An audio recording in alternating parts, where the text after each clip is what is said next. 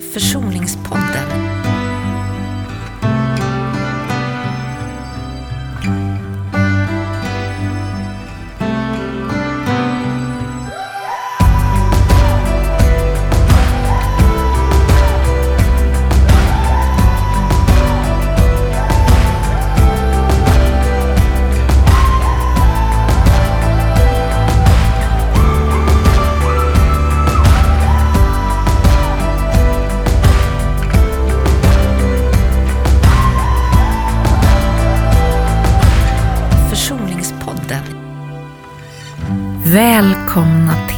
Försoningspodden.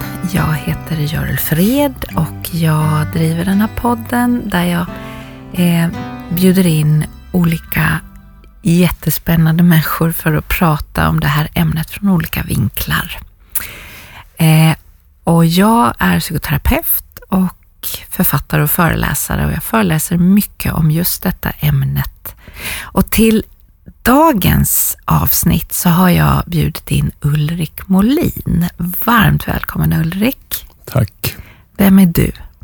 Jag är socionom i grund och botten och har jobbat med familjeterapi under lång tid och även psykodynamisk psykoanalytisk psykoterapi genom åren. Och jag har ju bjudit in dig för att prata om vad jag förstår ett av dina absoluta favoritämnen. Detta om anknytning. Detta om anknytning som är ett av dina. Och vi ska, vi ska i den här podden belysa anknytning från flera olika håll. Vad, vad kommer, för det här kommer vara två program. Just det.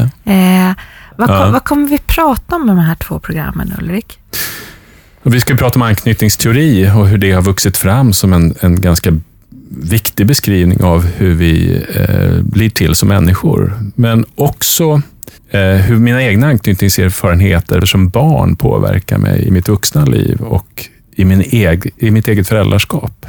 Och också, eller hur, hur, hur mina föräldrars anknytningsmönster påverkade dem som föräldrar gentemot mig. Just det. Det man kan tro är, handlade om, det handlar om att jag var ett sånt här barn, så kommer vi mer att belysa att eh, på grund av mina föräldrars anknytningsmönster så handlar det mer om att vilket barn de än hade fått så hade de här anknytningsmönstren slagit igenom, eller hur Ulrik? Just det.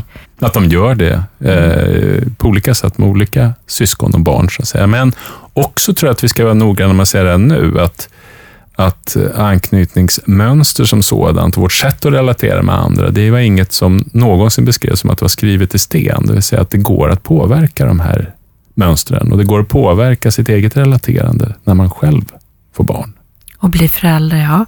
Och att, att det är väldigt viktigt att veta att ju mer jag förstår om mitt anknytningsmönster, ju mer kan jag välja. Och vi kommer prata om det här att det som är farligt är inte vad vi känner, utan vad vi agerar ut.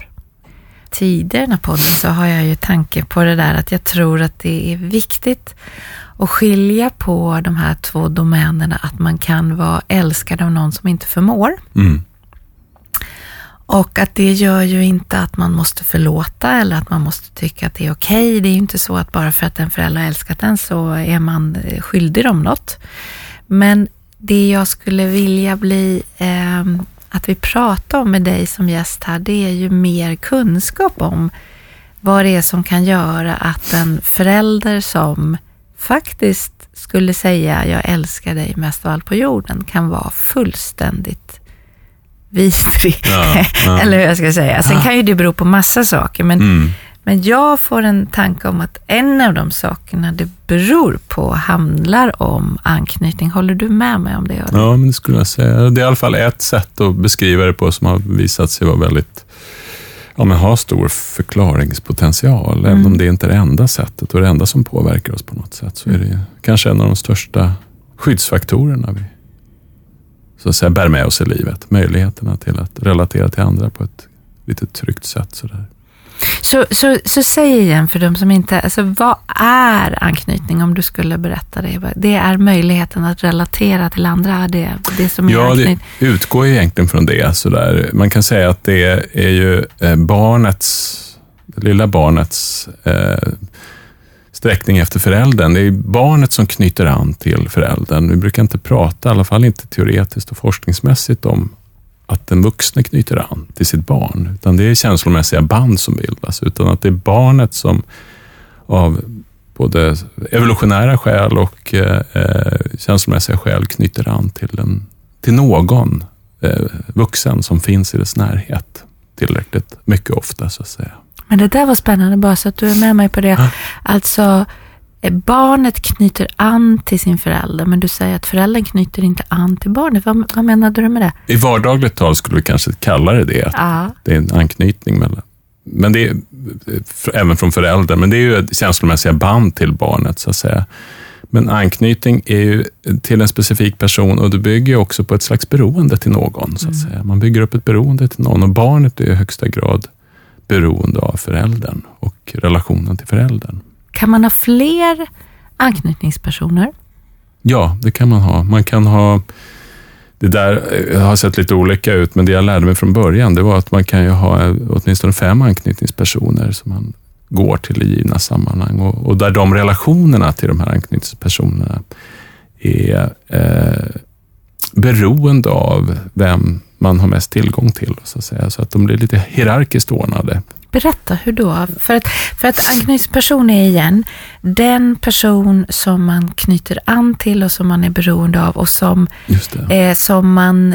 Mm, ja, jag, det finns ju så här fint citat av en filosof som heter Bachtin som säger jag ser mig själv i dina ögon. Kan du, är, mm. är det anknytning? Att jag förstår mig själv utifrån hur du tar emot mig? Just det. Kan man säga att det är anknytning? Det är en aspekt av anknytning, ja. kan man säga. Precis. Det, det, man kan säga att det finns flera delar i anknytningsrelationen som har blivit mer uppenbarat över 1900-talet, så att säga.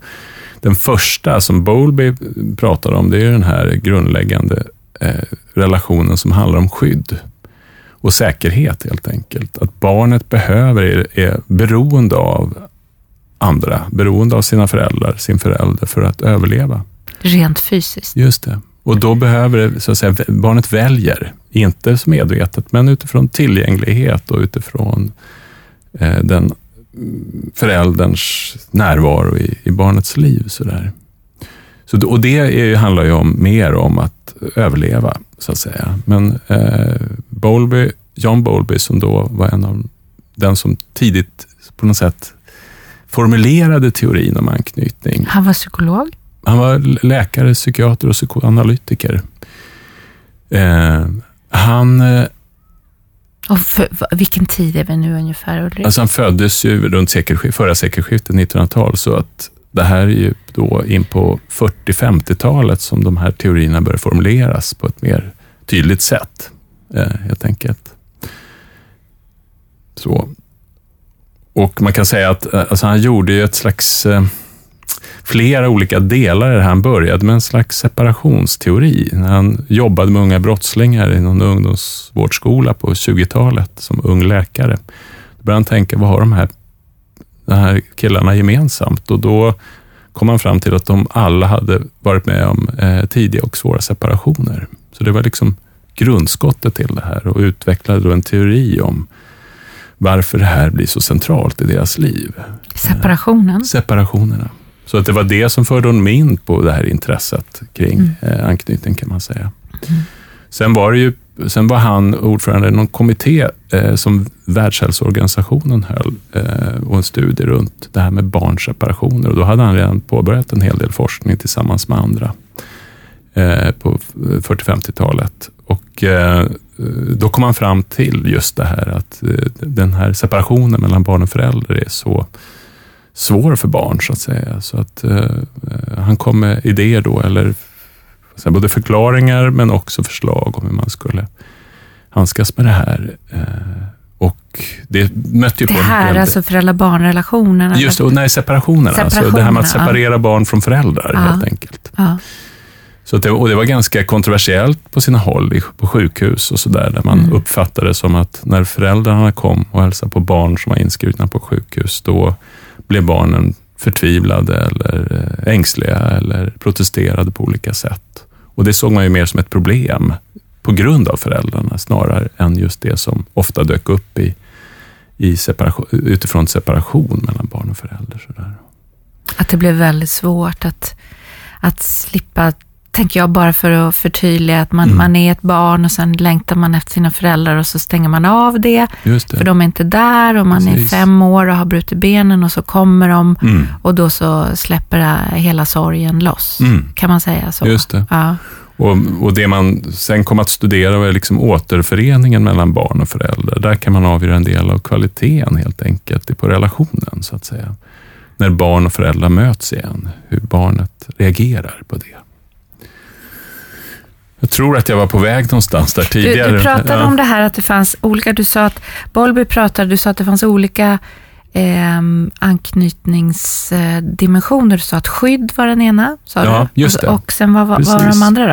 Ja, men man kan säga att det är det man som utgick ifrån. Bowlby själv sa ju att eh, det här är liksom ingen eh, skafferiteori, det vill säga att barnet knyter inte an till sin förälder så som psykoanalytiker och beteendepsykologer hade utgått ifrån för att de behöver näring, de behöver ammas eller de behöver matas, så att säga. Utan de söker känslomässiga band helt enkelt eh, för att uppnå trygghet. Det, och det kan man säga att det, trygghet har ju då med skydd eh, göra. När barnet eh, upplever fara så söker det sig till den här personen, föräldern, anknytningspersonen för att få skydd, men genom att uppleva trygghet helt enkelt. Och det där kommer, de, kommer alla barn till världen med, den, vad ska man säga, det arvet. Att Eh, uppsöka skydd. Just det, genom en annan, genom en viktig, trygg relation, så att säga. Eh, För att visst, visst är det så Ulrik, det finns en gammal film från den här tiden. Mm. Kan inte du berätta om den med den här apungen som... Just det. Ja, Mm. Det är Harlow som gjorde experiment på det. Han pratade om en slags theory of love. Där han gjorde apexperiment och visade då på sådana här reusapor. Eh, Reosapor. Ja, det är en sorts apa kan man säga. Okej. Som där han eh, i burar, eh, läm, där, där apungen lämnades ensam och sen fick den välja mellan två eh, konstruerade apor. En som var gjord i ståltråd och som, men hade förmågan att ge mat. Och en som var klädd i päls men inte gav mat. Och de här apungarna valde ju eh, nästan uteslutande att i en så att säga, situation där de blev rädda eller skrämda, att den pälsbeklädda apan som inte gav mat och där man kunde börja tänka kring det här. Eh, det var en av Bowlbys inspirationer helt enkelt, att tänka kring att det, det vi söker, det apan söker och det man sen förde över på människan var ju snarare upplevd trygghet än i första hand näring i de här anknytningsrelationerna. Så, så, för det finns ju också, vi bara förtydligar, det finns ju också den här, från den här tiden, gamla eh, experimentet var det inte riktigt, men den här studien av barn på barnhem, där, eh, där det var de som låg närmast dörren överlevde, du vet vilken Mm, jag pratar just det. Som, Eh. hade, som fick så att säga, barnsköterskans uppmärksamhet. uppmärksamhet. Mm, Alla fick mat, men de som också fick någon slags känslomässig närhet överlevde i mycket, mycket högre grad. Även om alla fick lika mycket näring. Ja, Så du säger att eh, vi håller på att ta oss igenom anknytning här nu. ja tydligen. Vi är inne på mitten Ja, av 1900-talet. Ja, typ. just alltså du säger att en anknytningsperson eh, söker barnet för skydd Mm, och, och för näring ju förstås, men, men, absolut. men skydd först och främst. Just det, upplevd trygghet kan man säga. Upplev trygghet. Det är det vi pratar psykologi här ju på det sättet. Ja. Att det är barnets upplevelse av trygghet som vi, som vi utgår ifrån så att säga.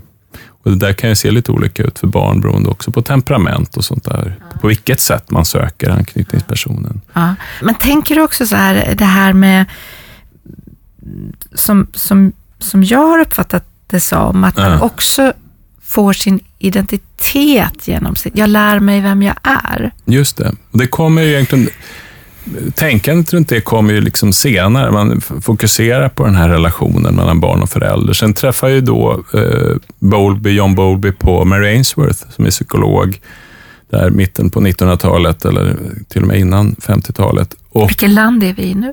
hon är väl amerikan, Ainsworth, och Bowlby är engelsman men hon vistas i, i London och de träffas där. Då har de påbörjat studier runt barn-föräldrarelationer. Men man kan säga att Mary Ainsworth, om John Bowlby är pappan till anknytningsteorin, så är väl Mary Ainsworth mamman. Och hon konstruerar en slags experiment som kallas främmande situationen.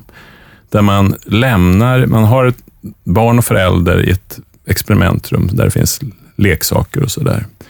Och så undersöker man vad som händer med barnet när mamman lämnar rummet. Sen kommer en främmande person in, en barnsköterska var det ofta sådär, eh, och försöker relatera till barnet eller vara där. Och så tittar man på hur barnet reagerar. Och eh, Sen kommer eh, mamman tillbaka så småningom och den främmande personen går ut. Så här. Och Det här gör man om, jag tror att det är sju sekvenser ungefär. Och Det man undersökte då, eh, det var barnets reaktion på förstås alltså separationen, men framför allt eh, eh, när mamma kommer tillbaks helt enkelt. Helt enkelt. Då börjar man kunna titta på olika typer av mönster i hur barn relaterar vid Eh, När mamma kommer tillbaka? Återföreningen, precis. Hur gamla är de här barnen vi pratar om nu? De ligger ungefär ett och ett halvt, två år kanske. Sådär. Eh, det, man har gjort det på olika sätt i olika åldrar, men de här ursprungliga försöken var väl där någonstans. Ett, mellan ett och två år. Och Det man kunde konstatera, det Mary Ainsworth och hennes eh, kollegor kunde konstatera, det var ju att man kunde klassificera barns anknytningsbeteenden eh, i olika grad av trygghet, kan man säga, eller snarare i trygga anknytningsrelationer eller otrygga. Och det trygga barnet, eller det som man kallar balanserad autonom anknytning så småningom. Autonom, självständig. Självständig, precis. De, de, blev, de kanske var ledsna, uppslitna på olika sätt av att mamma hade försvunnit. Eh, men de närmade sig mamma på något slags ja, förväntan om att få tröst och kunde låta sig tröstas och sen återgå till lek med mamma i rummet, så att säga och med mamma. Sen upptäckte de att det fanns ett par olika andra beteenden som också har med eh, anknytningsmönster att göra. Och Det kan de kalla otrygg anknytning. Och Den ena formen var när barn så att säga inte visade så mycket känsla, vare sig under tiden som mamma var borta eller när de kommer tillbaks, utan höll en slags eh, höll det inom sig kan man säga. Den här, det som man skulle kunna tänka sig väcktes hos barnet av oro, rädsla, förtvivlan. Sådär. Eh, och det kom de att kalla undvikande anknytning. Så det var ett, ett, ytterligare ett otryggt mönster. Då. Och sen den andra formen av anknytning, eh, det var när barn så att säga blev uppslitna och upprivna av eh, separationen men hade svårt när mamma kom tillbaka in i rummet vid återföreningen att låta sig tröstas. Det vill säga, de, det väckte känslor av både ledsenhet men också ilska. Man kom att prata om det som en slags motspänstig anknytning eller ambivalent anknytning. Det är väl det vi pratar om mest idag. Då. Och det här, här undersöker man barnens beteenden, så att säga. men det var två mönster av eh, otrygg anknytning. Och De här mönstren kom att bli organiserade, så att säga, så att barnet fick en slags förväntan på sin förälder att, att man behövde göra någonting för att få förälderns uppmärksamhet. Så kan man tänka. I, de, i de otrygga... Just det. Mm. Eh, det har beskrivits ganska fint som att vi har en slags förstahandsstrategi när det gäller anknytning. Det vill säga att vi relaterar till den vuxna, till den som finns för oss, föräldern, eh, som en trygg anknytningsperson. Det är vår grundidé. Mm. Så vi, det är ju väldigt hoppfullt. Ja. Som, som människor kommer vi ut och förväntar oss vi att, vi, en slags för... att vi ska bli trygghet. Och om vi bara gör en liten, liten parentes där med de här spännande anknytningsmönstren mm. som vi sen ska prata mer om för att förstå vad har jag varit med om mm. som barn. Kanske. Mm. Och, eh, för du började prata om att man kan ha fem anknytningspersoner och så började Just du säga det. att det där är hierarkiskt. Om vi ja. går tillbaka till det lite. Man kan ha fem, ja. vad menar du med det? Ja, men det är väl så att det, det är en liksom praktisk ordning i det där. Jag, jag, jag, tror inte man ska eh, hålla för hårt fast vid siffran fem, men det är väl någon, någon, slags, något man har kommit fram till, eller kom fram till. Sen kan man ju alltid diskutera det där. Vad är möjligt för varje individ, varje, varje barn för sig? Så där. Men det är ju ändå så att eh, barn kan etableras en anknytningsrelation till flera personer runt sig. Det kan vara mamma och pappa förstås, det kan vara syskon eller mor och farföräldrar eller viktiga andra personer som finns runt om och som är där tillräckligt länge för att eh, de ska vända sig till den här personen med förväntan om att kunna eh, tryggas. Har det här att göra med... Och få sina behov tillgodosedda på olika sätt. Har, har det att göra med, alltså, um, har det att göra med tiden eller kvaliteten på relationen om man får den här anknytningen eller inte? Det är väl den stora frågan som vi många gånger diskuterar i våra tider också, när vi har lite mycket att göra kanske. Ja. Men jag skulle säga att man får väl aldrig glömma bort tidsaspekten utifrån att det handlar om tillgänglighet. Barnet vänder sig till den som är där, så att säga. Så det ena är tillgänglighet, det andra är också lyhördhet. Är det också en person som lyssnar till mina behov eller mina signaler, kan man säga.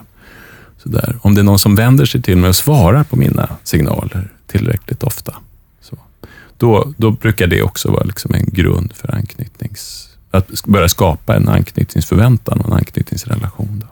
Men, men man, man... Så att jag skulle säga att många gånger kan kvalitet och kvant kvalitet kan bygga på en viss kvantitet också. Så vi behöver ha tillgång till vår anknytningsperson tillräckligt mycket för att kunna skapa en, en kvalitet i relationen. Men, men det är eh, så, såklart, tänker jag, jag ställer en fråga som jag tänker egentligen självklart, men det är ju du, du pratar ju om de här olika anknytningsmönstren, alltså ja. det är ju inte så att man automatiskt får ett tryggt anknytning till någon som man är med varje dag, varje Nej. minut och varje timme. Det, på det sättet kan man ju säga att det är mycket tid med en förälder garanterar inte en, en trygghet i upplevelsen av, av eh, hur föräldern svarar på mina signaler eller hur jag kan vända mig till min förälder. Det beror på föräldern, så på det sättet kan man ju säga att mycket tid med föräldern bygger också på någon slags kvalitet i relationen, någon som är där för mig mm. tillräckligt mycket. Mm. Så. Men det kan så också det vara så att någon är där men inte där, eller hur jag ska säga. Just det, och då, precis. Men jag skulle ju vilja att du pratar Uh, är, det, är det något mer sådär grundläggande historiskt som du behöver säga innan vi går ja, in och pratar om de här? Egentligen har du ställt en fråga som vi är på väg till och det är det här, är det något mer än det där, vad ska man säga, skyddande, tryggande anknytningen så att säga? och då skulle jag, jag säga, om man tänker sig att Bowlby utformade teorin för anknytningsrelationen så att säga, så kan man säga att Mary Ainsworth skapar de första möjligheterna att undersöka det genom experiment. experiment. Och då den här främmande situationen där man började urskilja de här mönstren och kunde klassificera olika anknytningsmönster. Sen kan man säga att den som också framträder historiskt, det är väl eh, Mary Main, eh, en forskare i Kalifornien. Och eh, ett, ett av Bowlbys tidiga idéer var ju att det här med anknytnings mönster och anknytningsrelationen fortsätter att följa oss genom livet på olika sätt. Eh, så att vad hon gjorde tillsammans med sina kollegor, det var att konstruera en vuxet, ett vuxet instrument, ett instrument för att mäta anknytningsvuxna kan man säga. Den vuxna anknytningsintervjun var den första och de man, tänker man bygger då på hur man har haft det med sina anknytningspersoner. Just det. Mm. Och man pratar, talar om det. Man pratar om, det finns ett antal frågor då som man ställer i en halvöppen intervju. Sådär. Och Vad då för frågor till exempel? Det kan vara så, dels, en första fråga kan ju vara, hur, kan du beskriva lite kort hur du växte upp och hur du hade det under din uppväxt? Sådär. Och sen, kan man, sen är det frågor runt eh, vem man hade där som primärförälder. Och, men också sånt som att beskriva sin förälder utifrån några adjektiv eller några eh, beskrivningar, så att säga. Eh, hur, hur föräldern var eh, och sen förklara, förklara varför jag valde just de där.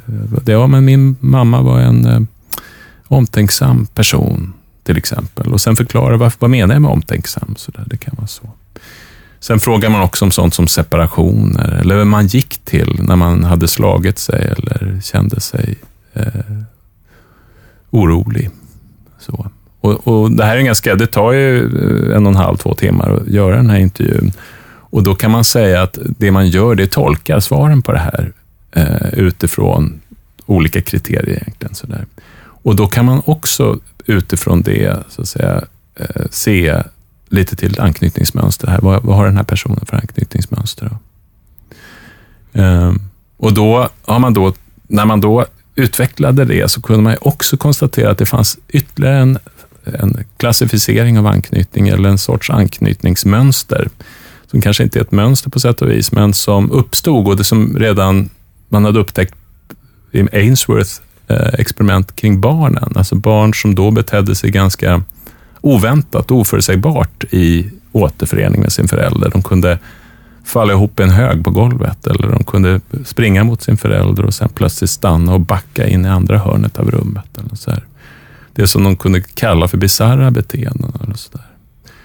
Och, eh, det, det var inte förrän man då utvecklade den här vuxna anknytningsintervjun som man började tänka kring det lite mer tydligt, för det hade avfärdats tidigare. Och Det var det man kom att kalla då desorganiserad anknytning, eller en desorientering, en desorganisering i anknytningen. Eh, och då handlar det mer, som man har utvecklat det mer idag, handlar om att det är eh, personer som har varit med om eh, situationer med sin förälder där föräldern har varit skrämmande eller skrämd, så att säga, är den enklaste beskrivningen. Så att, säga. att I relaterandet så, så är, blir föräldern oförutsägbar eller inte närvarande. Och då eh, kan man säga att ens förmåga att orienteras i relationen eh, man blir lämnad ensam i relationen, i, i den här svåra, skrämmande upplevelsen av föräldern, helt enkelt. Anknytningspersonen försvinner för en och kanske blir den som också skrämmer en eller gör en orolig och rädd. Helt enkelt. Ja. Ulrik, mm. eh, eh, det här avsnittet av Församlingspodden mm. börjar att eh, gå mot sitt slut. Och vi kommer ju fortsätta prata i nästa avsnitt, du och jag, om hur alla de här anknytningsmönstren som du pratar om, hur det, eh, vad det blir för konsekvenser av dem och hur man som barn kan uppleva sin förälder och hur, man, hur det påverkar ens egen föräldraförmåga, eller mm. hur? Men om yeah. vi ska sammanfatta den här, den här, eh, det här som du har berättat idag, mm. så säger du att det finns, att en anknytningsperson är den som barnet rent biologiskt vänder sig till, för man har i, när man föds så har man en, en inbyggd så att säga, överlevnadsstrategi, att man ska knyta an till någon som det. kan ge Evolutionärt. Skydd, ja, som kan ge skydd och mm. näring. Och du säger till och med att det finns experiment som visar att skyddet eller tryggheten är till och med viktigare än näringen. Man mm. väljer, om man är tving, tvungen att välja så väljer man skyddet. Ah.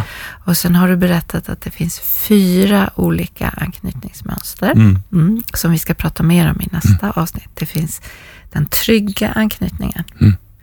Eh, och den gör att man, nu ska jag bara se så att du, ja, så, du så du säger att jag säger rätt. Ja. Den gör, förlåt? Ja, jag skulle bara också säga att det är kanske också vad man ska tänka på som förstahandsstrategin för alla barn. Alla Vi försöker barn. relatera till, den, till anknytningspersonen, till föräldern på ett, utifrån en slags trygg, trygg punkt. Så ja. att, att vi söker den, den ja. formen av anknytning. Och den trygga punkten hos barn, den trygga anknytningen hos barn är att man för det mesta har en förutsägbar förälder. Just det, ja, precis. För visst är det så att alla barn klarar så att säga, inom, vi kan prata mer om det i nästa avsnitt, mm. inom rimliga gränser, att ens föräldrar ibland inte är förutsägbar. Just det. Skulle du säga det? Ja. det? För det är ju inte alla föräldrar Absolut, jämt. eller att man inte ens är där i kontakt med sitt barn hela tiden. Nej. Det är kanske en mindre del av tiden.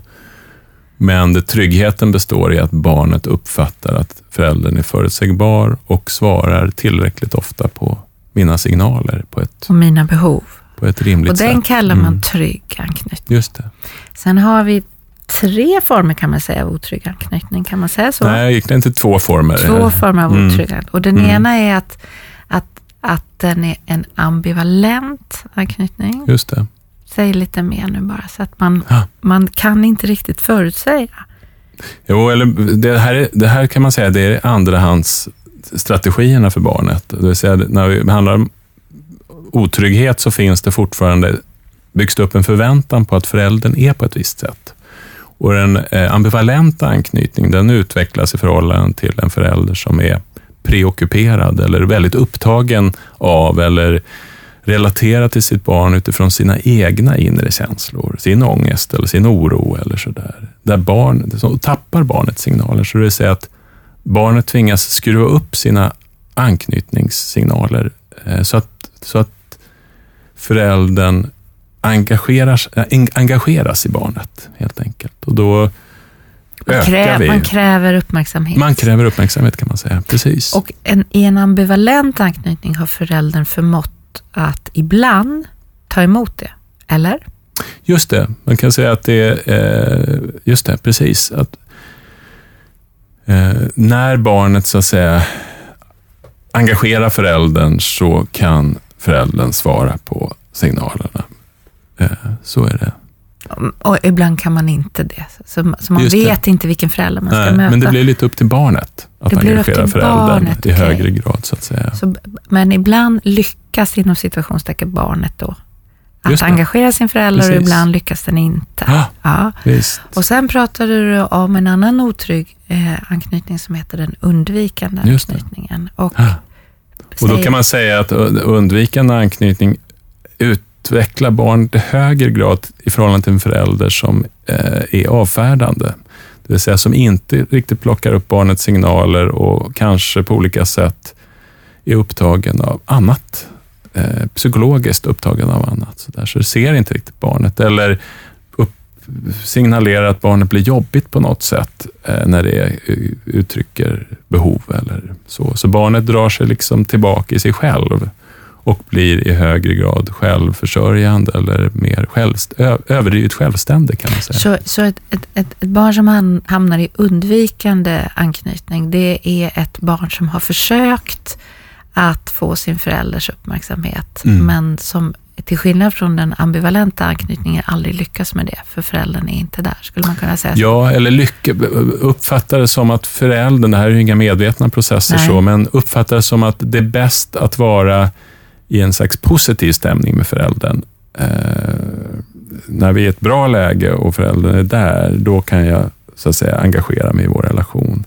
Men är föräldern trött och upptagen av annat, tycker att jag är en belastning på något sätt, då drar jag mig tillbaks och avvaktar. Men vad blir det då för skillnad mot en ambivalent anknytning? Det vill säga att jag drar mig tillbaks. Att, aha, ja, i, den, ambivalent... I ambivalent anknytning så skruvar jag upp mina anknytningssignaler, mm. mina anknytningsbehov. Mm.